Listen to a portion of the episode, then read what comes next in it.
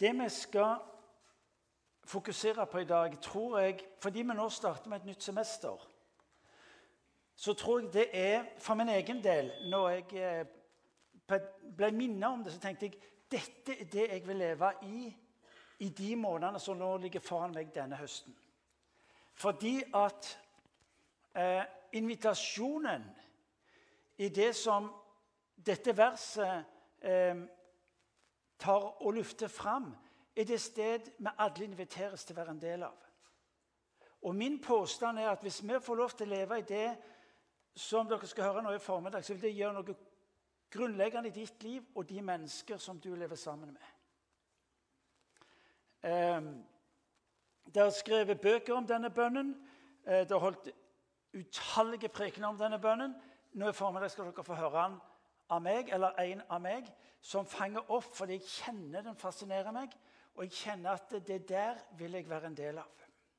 Men la meg først gå til eh, et program jeg så i uka som var. Det var altså et program om Steve Jobs, en av grunnleggerne av Apple. Fascinerende fyr. Eh, han var svært krevende å leve med, sier de som levde sammen med han. Eh, Steve Jobs døde i fjor pga. kreft. På slutten av sitt liv så ble han utnevnt til æresdoktor på et av universitetene i USA. Og i eh, den forbindelsen så, eh, så setter han navn på noe av det som var nøkkelen til suksessen i livet sitt. Og så er det som han på slutten koker dette ned, og så sier han to ting. Vær sulten, vær uansvarlige. Og jeg tenkte det der, altså Vær sulten. Jo, det, det er vi med på. Skal du, skal du, oppnå noe i livet, skal du ha fremgang i livet, så, så må du være sulten. Men han holdt det sammen med å være uansvarlige. Hvis jeg nå spør dere hvor mange av dere ønsker å være uansvarlige, så vil jeg Men det er godt mulig at vi rører ved Hvis vi ikke våger å være uansvarlige, så vil vi heller ikke oppnå noe. Hva er det som kjennetegner ungene? I stor grad uansvarlighet. Gjør jo det. Når, når, vi skal gjøre noe, så, så, kalkulerer vi, og vi beregner, og vi finner ut at hvis jeg gjør det på den måten, så Ja Ungene, de bare gjør det de bare ender opp. Når han Therese var liten, så sa hun 'Pappa, ta imot', og så hoppet hun. Lenge før sikkerhetsnettet var 'Pappa, kan jeg få?' Vær sulten, vær uansvarlige. Og det interessante er at Når vi da snakker om å være kristne, så lever vi òg ansvarlig. Det er godt mulig at uh, Vår Herre skulle ønske at vi hadde våget mer av uansvarligheten. Av og til er vi så opptatt med å skulle ta ansvar på Vår Herres vegne at du kan tenke, Det er nesten så du hører han sier 'Slutt nå. Jeg kan passe på meg sjøl'. Jabe leser du om i uh, første krønikabok, kapittel 4. Vi kan få opp teksten på, på veggen. Jabes bønn er kjent, og uh, den er lest. Men nå vil jeg at du skal både lese det som står på veggen Det skal stå der hele veien. Så hvis du syns jeg blir kjedelig, så kan du bare lese teksten. Men jeg vil du skal få tak i noe av den sulten som ligger i bønnen, og samtidig den uansvarligheten på manglende forutsetninger på eget liv til å se dette her virkelig gjort. Han ber om noe han ikke har peiling på. Han våger formulering på sitt eget liv som er av en sånn karakter at han har ikke fornaring på hva dette ville kunne bli ut av hvis det skulle bli virkeliggjort. Og likevel så ber han. Det står innledningsvis at Jabes var mer ansett enn sine brødre. Hans mor ga han navnet Jabes, for jeg har født ham med smerte. Jabes utgangspunkt var et problematisk utgangspunkt. Ordet betyr både at han ble født i, med smerte, men også at livet hans ville være prega av smerte. Og, sier han, om du ville velsigne meg, utvide mitt landområde og støtte meg med din hånd. Bevar meg fra det onde, og la meg ikke volde smerte. Og så står det tørt og kategorisk på slutten, og Gud lot ham få det han hadde bedt om. Jabe vokser opp altså med det de færreste gutter ønsker skulle bli ropt etter de, nemlig smerte. Hver gang Jabe hørte ordet Jabe, så hørte han ordet smerte. Enten i form av det som smerten var påført for, uh, mor og familie, eller det som ble profetert over han i framtida. Navn og betydning uh, har en sterk tradisjon inn i denne kulturen. Navnet var ofte et ønske eller en uh, profeti om barnets fremtid. På et vis var Jabes liv forutbestemt til smerte. Jeg syns det er fascinerende at innledningen på denne bønnen er ærlighet på livet. Og det tillates, og det må være viktig i vår menighet og i en kristen sammenheng. Et velsigna liv starter med ærlighet på livet. Utgangspunktet mitt er smerte, men Gud, jeg har noe å be om. Utgangspunktet mitt er annerledes enn jeg skulle ønske det var, men Gud, jeg har noe å be om. Et velsigna liv starter med ærlighet på livet. Gud møter deg der du er, ikke der du burde være. Det er altfor mange som diskvalifiserer seg sjøl. Gud møter deg der du er, ikke der hvor du burde være. Og så blir denne bønnen ikke bare en bønn ifra en mann. Men mens jeg satt og var i stillhet og forberedte denne talen, så vokste det mer og mer fram på meg at dette skal også være bønnen for vår menighet. En menighet som har ærlighet på livet. En menighet som våger ikke å gjemme vekk det som er utfordrende og problematisk, men som våger ærligheten på tilstanden. Og om du ville velsigne meg. Og om du ville velsigne meg, står der innledningsvis her oppe. Noen vil si ja, det er jo drapelig egoistisk. Selvopptatthet. Det kan ikke være rett ydmykhet å be Gud om å velsigne meg. Jeg har hørt det mange ganger. Velsignelse er å erfare Guds nærvær og hans fulle hensikt med livet vårt. Jeg leser, og her er tipset, jeg leser en salme hver dag i mitt daglige andagsliv. Og Noe av det som går igjen i Salmenes bok, det er bønn om at Gud velsigne meg. Velsign meg. Jeg leste senest her i går i salme I salme 67. Gud, vår Gud, velsigner oss. Det er den første setningen. Og så kommer neste setningen. Gud skal velsigne oss. Altså På den ene sida bekjennelsen Gud velsigner oss. Og på den andre sida Gud skal. Det er proklamasjonen. Gud skal velsigne oss. Og om du ville velsigne meg. I ordspråkene så står det det er Herrens velsignelse som gjør rik, mens eget strev ikke legger noe til. Jabes fokus er ikke å ønske noe mindre for oss enn det Gud ønsker for oss. Gud velsign meg er altså en bønn etter Guds eget ønske. Bare tenk deg sjøl tanken hvis du har barn. Hvis ikke barna jeg tenker på Therese med Amarene, hvis ikke deres ønske for meg skulle være Pappa, du må velsigne oss. Du må la alt det som er av din godhet, få lov til å berøre livene vårt. Det er klart at ungene skal få lov til å ha den forventningen til far. Når vi søker Guds velsignelse som det viktigste i livet, så kaster vi oss bokstavelig talt ut i Guds vilje og kraft og hensikt med våre liv. Jabes bønn er egentlig å ta sats og så hoppe ut i det han vet er av Gud. Alle våre andre behov blir underordna mot dette og bli innelukka i det Gud vil gjøre i våre liv og gjennom våre liv. Gud velsigne meg. Er ikke egoisme.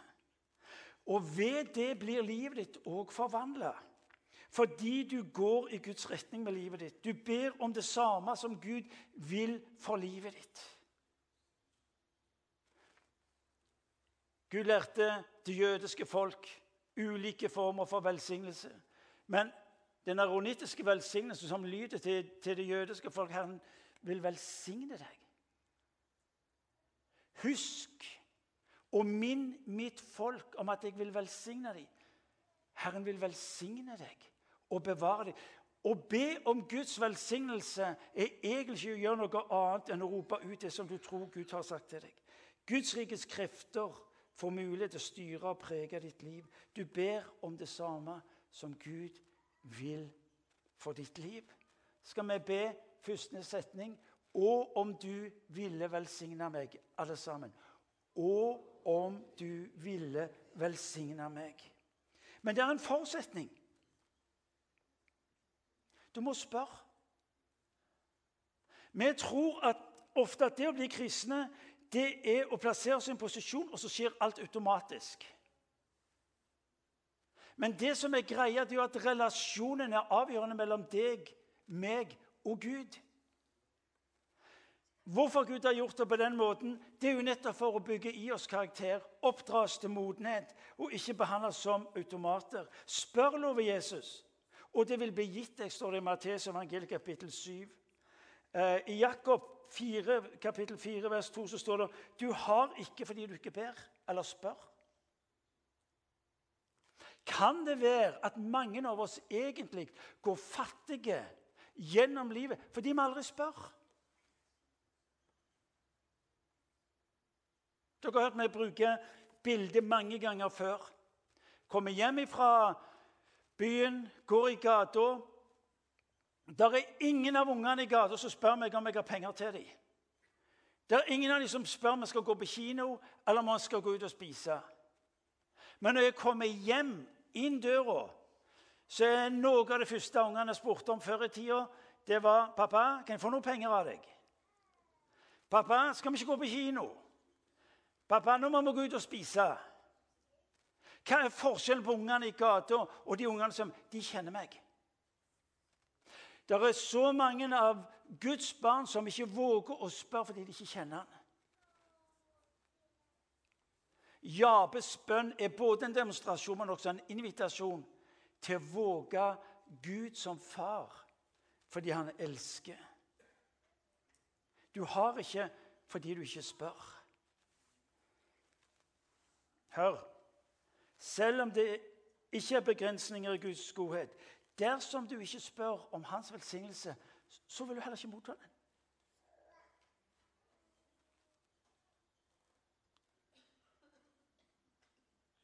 Og så går du glipp av det Gud har for deg. Ja, mener du at jeg egentlig Ja, det er det jeg mener å si. Fordi det er det Bibelen sier. Ja, mener du at hvis jeg, hvis jeg ber, så får jeg ja? Ja, Betyr det at jeg kan få alt jeg ber om? Ja, Det vet jeg ikke. Men det ligger langt flere eh, gått glipp av velsignelser enn det du og meg er klar over fordi vi aldri vågte. Ja, hvor, ja, bli værende i bønnen. Bli værende i mitt ord, repetisjonen. Be og bli ikke trøtte, sier Bibelen til oss. Jo da, vi ser spontane bønnesvar, men vi ser òg bønnesvar som kommer over tid. Ja, Hvorfor må et menneske bli bedt for i to år? Hvorfor holder det ikke med ett år? I don't know. Men det jeg ser igjen og igjen både i eget liv og andre menneskers liv, det er at Gud kaller oss til å våge å bli værende i det vi ber om.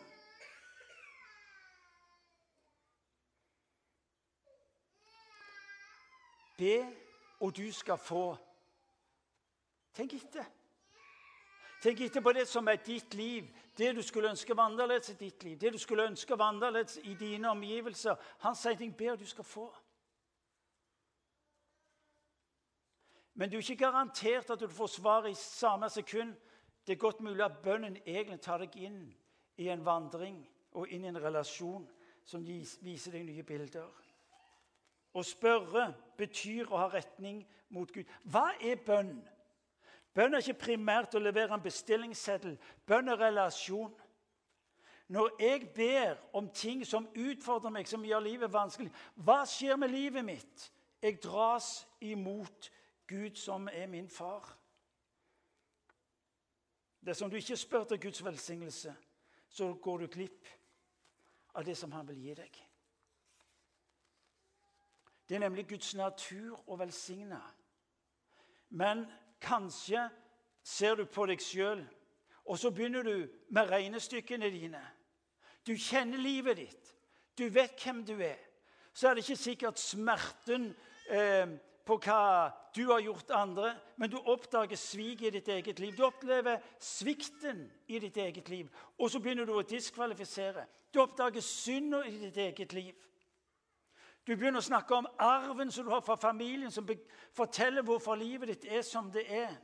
Peker på oppveksten. Det onde du har gjort mot andre, og andre har gjort det mot deg. Vi er eksperter på å finne ut på hva som taler imot for at Gud skal velsigne oss. Eksperter. Janteloven. Vi kan nevne det. Vi er eksperter, vi er regnskapsførere på fortida.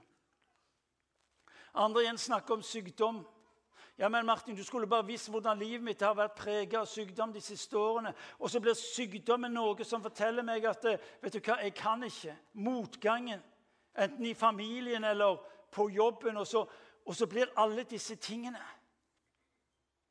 ting som blir diskvalifikasjon. Jabes betyr smerte. Inn i det som var det smertefulle og vanskelige Jabes sitt liv, er det han sier, 'Gud, velsign meg'.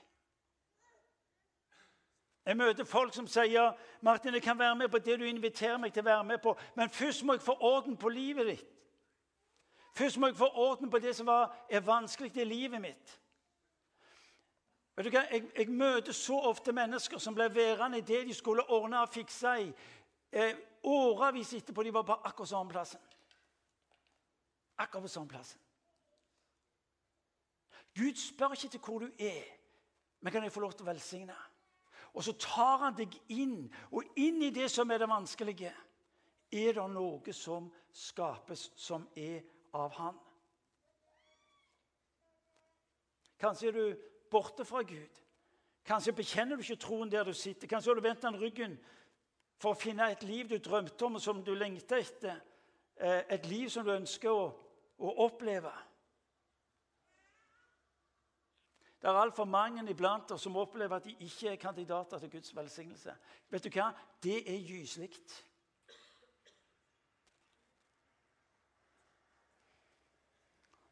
Hva er det der står? Og om du ville velsigne meg. Du må gjerne definere deg ut forbi det som er Guds godhet, gode tanker for ditt liv. Men jeg vil du skal vite at Jabes bønn er din bønn uansett hva som er din livssituasjon. Og så blir værende i det. Bønnesak er ikke først og fremst bestillingsseddelen. Bønn er det å få lov til å snu seg mot Gud og si 'Gud, vil du velsigne meg?' Og den jeg får øye på, det er Gud og hans ansikt grådig. Noen vil si at det er grådig, egoistisk og selvopptatt. Nei, du gir Gud bare mulighet til å fullføre det han har tenkt for ditt liv. Gud, du må velsigne meg. Når du står opp om morgenen, så skal bønnen være Gud, du må velsigne meg. Gud, du må velsigne meg. Er dere med? Fire? Dere, der òg? Fem? Ja, flott. Her begynner det å bli drive.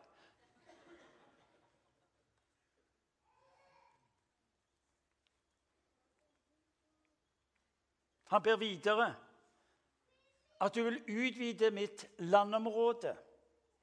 Eller at du vil utvide mine grenser, står det i en oversettelse. Jabe går videre. Gud velsign meg, sier han. Utvid grensen, utvid landområdene. Utvid mitt liv, slik at jeg kan ha større betydning. Og Det er ikke først og fremst snakk om større bil og større hus. Sammenhengen sier noe om innflytelse. At livet mitt skal få lov til å bety At livet mitt skal potensielt bli det som det var tenkt å være. På jobben. Ja, Betyr dette at jeg kan be om forfremmelse? Ja, klart du kan be om forfremmelse på jobben. Er ikke det selvopptatt? Ja, det er en vurdering. Hvis du vet at hvis jeg kan få lov til å få, så er det faktisk min mulighet til å bety noe mer for flere mennesker. Ja. Utvid grensene i livet mitt. Han så hva han hadde, og så sa han, 'Herre, utvide. Alt jeg har, utvide.' Hva var det Steve Jobs sa? Er du sulten? Ja, men det er ikke sikkert jeg makter og har kompetanse for det som jeg bør om utvidelse. Jeg lever uansvarlig. Du lærer av det.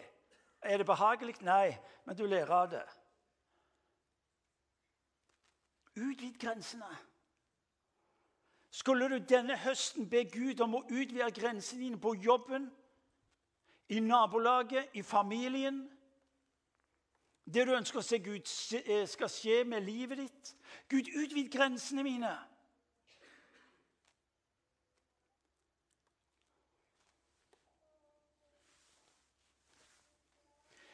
Det er det meningsløse med å spille golf. Hva? Først så slår du så hardt du kan, så bruker du resten av dagen til å lete etter den. Til og med det kan du be om å få utvida. Eh. Det er helt meningsløst. Jeg har prøvd.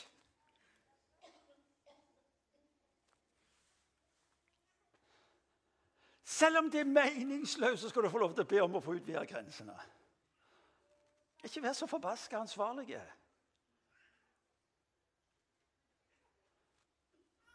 Så filmen med Tor Heyerdahl på fredag.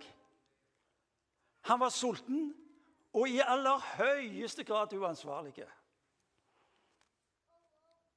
En hel haug med filmer på livet hans. Fått én Oscar. Det var kult hvis han hadde fått en til. Fordi han var uansvarlig. De skriver ikke bøker om bare ansvarlige, for de skriver bøker om de uansvarlige. Jeg er klar over at det er litt Men får dere tak i poenget? Noen igjen. Ja, det er bra. Du som ønsker å være en Kristus-etterfølger, er gitt en unik mulighet til å berøre menneskers liv der du bor. Familien, skolen, jobben. Spør han om å få lov til å gjøre fremgang, utvide muligheten på en slik måte at Guds hjerte kan glede seg. Paulus sier til, til en menighet i Tessaloniki og sier han, deres kjærlighet og deres liv og måte å leve på er fantastisk. Det er min oversettelse. Og Så sier han til ham, gjør fremgang. Bli bedre. Han ber menigheten om å være sulten på å nå lenger ut. Ha større betydning. Ha innflytelse. Det er det han er opptatt med å fortelle dem.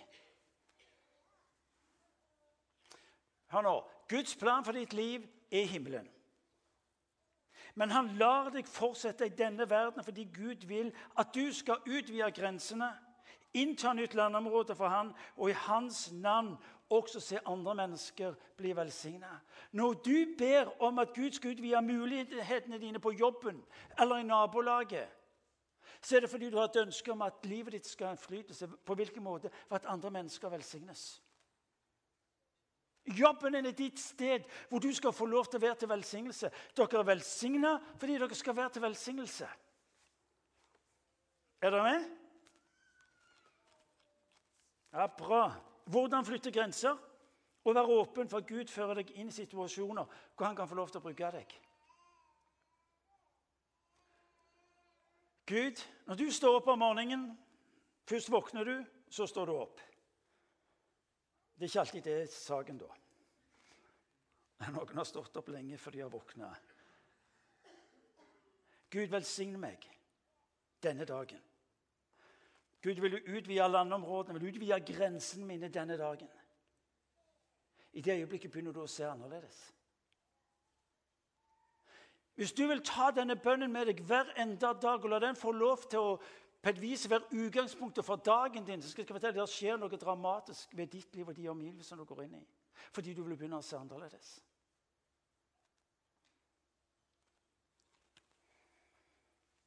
Hvordan flytte grenser? Og vær åpen for at Gud fører deg inn i situasjoner hvor han kan bruke deg. På jobben, reisen, nabolaget. Denne fantastiske boka som er skrevet, som primært et vitnesbyrd om dere, nevner bl.a. godhet. Det er et faktum, det er påtagelig, at der hvor du demonstrerer godhet, der skaper du en forandring. La meg være personlig på det. Jeg, eh, jeg har ikke mye penger, men jeg tenker hvis jeg går ut og spiser, så ønsker jeg å anerkjenne. Så jeg, jeg tipser godt. ok? Ikke spør om hvor mye, men kona mi hun ser på meg og sier blikket 'bruke ved'. Det burde jeg ha brukt før jeg gikk ut og spiste, Også. det er for så vidt en helt annen sak. På fredag kvelden så bor vi på et tidspunkt. Vi går inn en plass for å få noe mat, og, og jeg bestiller. Og jeg gir tips. Og Når vedkommende ser tipsen, så ser han på meg, og øynene forteller 'Takk skal du ha'. Det var fantastisk. Men så var jeg litt ukonsentrert. Så når jeg skulle ta disse to krusene med kaffe, er du med? så bomma jeg. Så jeg velter jo koppene ned på gulvet. Koppene knuses, og kaffen flyter. Du skulle sett det blikket han hadde på meg. Hva det var? Gjør ingenting. Er bare glede. Se her, du skal få to nye kopper med kaffe. Ha en fin kveld. Var det tipset? Vet, vet ikke. Men saken er at når du og meg våger godheten, så gjør vi noe med omgivelsene.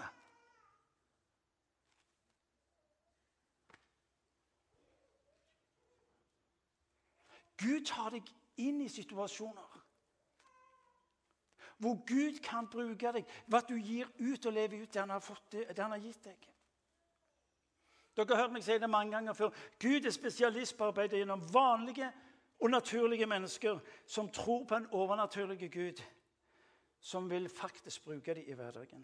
Å be om utvidede grenser er å be om underet. Jeg tror at godhet er den nøkkelen som skal åpne hjerter i dine omgivelser. Begynn å gjøre det, og du vil se forandring. Det tredje han ber om, er la din hånd være over meg. Gud velsign meg, utvid mitt landområde, er bønnen. Og så setter Gud oss i de situasjonene hvor vi er avhengige av Han. La din hånd være over meg. Og når Gud lar sin hånd være over oss, lede oss, så betyr ikke det at det alltid passer fornuften. Vi vet mye av det uttrykket som følger i det. Men nøkkelen i bønnen om å la støtte meg med din hånd Vi snakker om avhengighet. Avhengighet av Gud gjør vanlige mennesker til helter. Som Jabes, så deg og meg òg. Hvordan? Rett og slett når du, når du våkner i, i, om morgenen Du har bedt bønnen Gud velsign, utvid mine grenser, støtt meg med din hånd. Da sier du, Gud, hvis dette skal kunne skje, så er jeg avhengig av at du støtter meg med din hånd. Paulus sier i 2. brev til korinterne ikke slik at vi av oss selv er i stand til dette. Det er Gud som har satt oss i stand til det. Ikke at jeg sjøl er i stand til det, men Gud er den som har gjort det. Jabes bønn er å bli tatt inn i en dynamikk hvor du ikke lenger opererer på egen hånd, men du opererer sammen med Gud. Herrens hånd, Bibels term for Guds kraft, og nærvær. Leser det i Josva bok i Gamletestamentet. I urkirka så ser du en fantastisk vekst knytta til én ting. Vitnesbyrdet lyder 'Herrens hånd var med dem', og mange kom til tro. Et annet uttrykk er å bli fulgt av Den hellige ånd. Eh, har du lagt merke til hvordan urkirka nesten kontinuerlig søker å bli fulgt av Guds ånd? Nesten kontinuerlig. Hver dag, flere ganger til dagen. Timer, møter, gudstjenester, cellegrupper. De hadde ett fokus. Det var å vente på Gud, slik at han kunne gjøre sin gjerning i og gjennom deres liv. Urkirkas dynamiske og dramatiske liv ville ikke ha vært mulig om ikke de var sammen som folk. Dette er ikke et innspill primært fra en gudstjeneste, men derfor blir gudstjenesten så gysla viktig. Fordi det er et sted hvor vi hjelper hverandre til nettopp å ha rett fokus.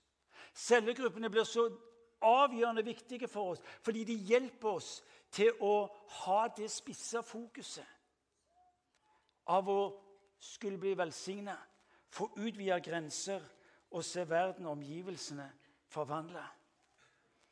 Jabes bønn er spennende, og den virker så dynamiske. Velsignelse, utvida grenser, Guds kraft. Men den avsluttes på en måte som er uhyre interessant. Og må du holde meg borte fra alt ondt, så jeg ikke blir årsak til smerte. Hvorfor dette overraskende? Bevar meg fra det onde. Er han pessimistiske? Er han eh, negative? Er det frykt hos han? Nei, jeg tror rett og slett han visste hvem han sjøl var. Jabes visste hvem han sjøl var. Fordi Gud vet hvem du og jeg er. Hør nå godt etter. I mitt liv er alt mulig. Martin Cave litt. Av det som er godt, og av det som er ondt. Du finner det beste i mitt liv, og du finner det verste i mitt liv.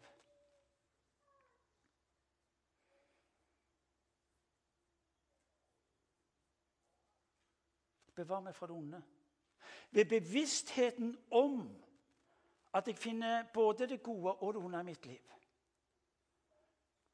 Får jeg lov til å leve i bekjennelsen Gud, du kjenner meg. Du vet hvem jeg er. Men nettopp fordi at du vet hvem jeg er, våger jeg òg bønnen som du nettopp har hørt. Hvordan bli bevart fra det onde? Jo, bli værende i bønnen og handle på det som du har bedt. Ser du det? Det er så mange formler på hvordan bli bevart ifra det onde. Det er nesten som, som jeg opplever Gud sier her nå. Bli værende i denne bønnen og du vil bli bevart ifra det onde. Et velsigna liv, drøm eller virkelighet Nå skal du høre det er opp til deg. Du ber om mer velsignelse, mer område, mer kraft og mer beskyttelse. Og Gud vil svare. Det står avslutningsvis og Gud lot ham få det han hadde bedt om. I morgen er det mandag for de fleste av oss. Du kan bestemme deg for at denne, denne høsten skal bli en annerledes høst. Ikke primært ved at du nå skal ta deg sammen, men at du våger en bønn som tar deg til Gud, og som blir Guds mulighet til å forvandle ditt liv slik at ditt liv kan forvandle andres liv. Så enkelt tror jeg det er. Fordi det handler ikke om deg, det handler om Gud. Der du og meg er opptatt med de rette systemer og formler for et liv, er det som om Gud koker dette her ned, og så sier han, 'Lær nå av Jabes'. Jabes fikk det han spurte om. Hvordan kan jeg vite det? Jo, fordi ordet sier Gud lot Jabes få det han ba om.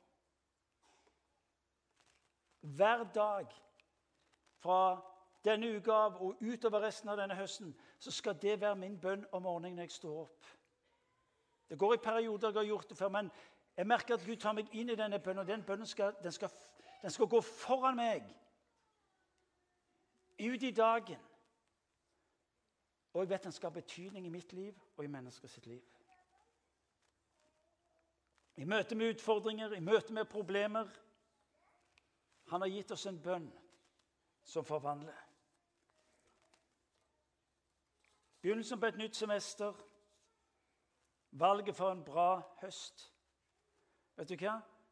Jeg har lest denne bønnen nå den senere, disse siste dagene 10-15 ganger. Og jeg merker bare at noe skjer i måten som jeg ser på, måten jeg tenker på, og måten jeg har lyst til å handle på. Skal vi reise oss, så ber vi.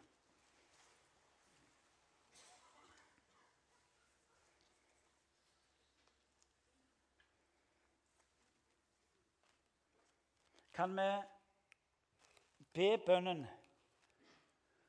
sammen. Og om du ville velsigne meg, utvide mitt landområde og støtte meg med din hånd. Bevar meg fra det onde, og la meg ikke volde smerte. Og Gud lot ham få det han hadde bedt om. Herre, dette er vår bønn for våre liv og for vår menighet. For vi ber om å få lov til å gå sammen med deg. Med den velsignelsen som du har for våre liv, ubegrensa, grenseløst og uansvarlig, som du gir og gjør. For vi ber om at du skal utvide landområdene i våre liv på det indre planet, men også her i det fysiske, i vår hverdag i møte med mennesker. På jobben, interesser, familie og nabo, hvor det måtte være henne. Men vi ber også Gud om at du skal utvide våre landområder når det gjelder å se ditt rike få nedslag i våre liv, og det har betydning der ute. Far, vi ber også om at du skal støtte oss som i din hånd. Herre, støtt oss som i din hånd på en slik en måte at mennesker får øye på deg. Herre, vi ber om at du skal la våre liv daglig La oss få lov til å vandre i de situasjoner som gir deg muligheten til å demonstrere at din hånd er med oss og på oss. Så takker jeg deg, far, fordi du beskytter oss. Beskytter oss fra det onde, fra dette innkrøpte som så ofte søker få plass fra vårt indre menneske, Herre. Men også fra å gjøre ting, se ting. Eh, herre, vi ber at du skal beskytte oss imot det onde. Herre, la det skje ved at vi blir værende i ditt ord og i din nærhet. Herre, vi takker deg fordi at du ønsker å velsigne. Herre, vi takker deg fordi du ønsker og lengter etter å utvide landområdene i livene våre. Herre, vi takker deg fordi du lengter etter å støtte oss med din hånd. Herre, jeg takker deg for din velsignelse er over våre liv. Amen.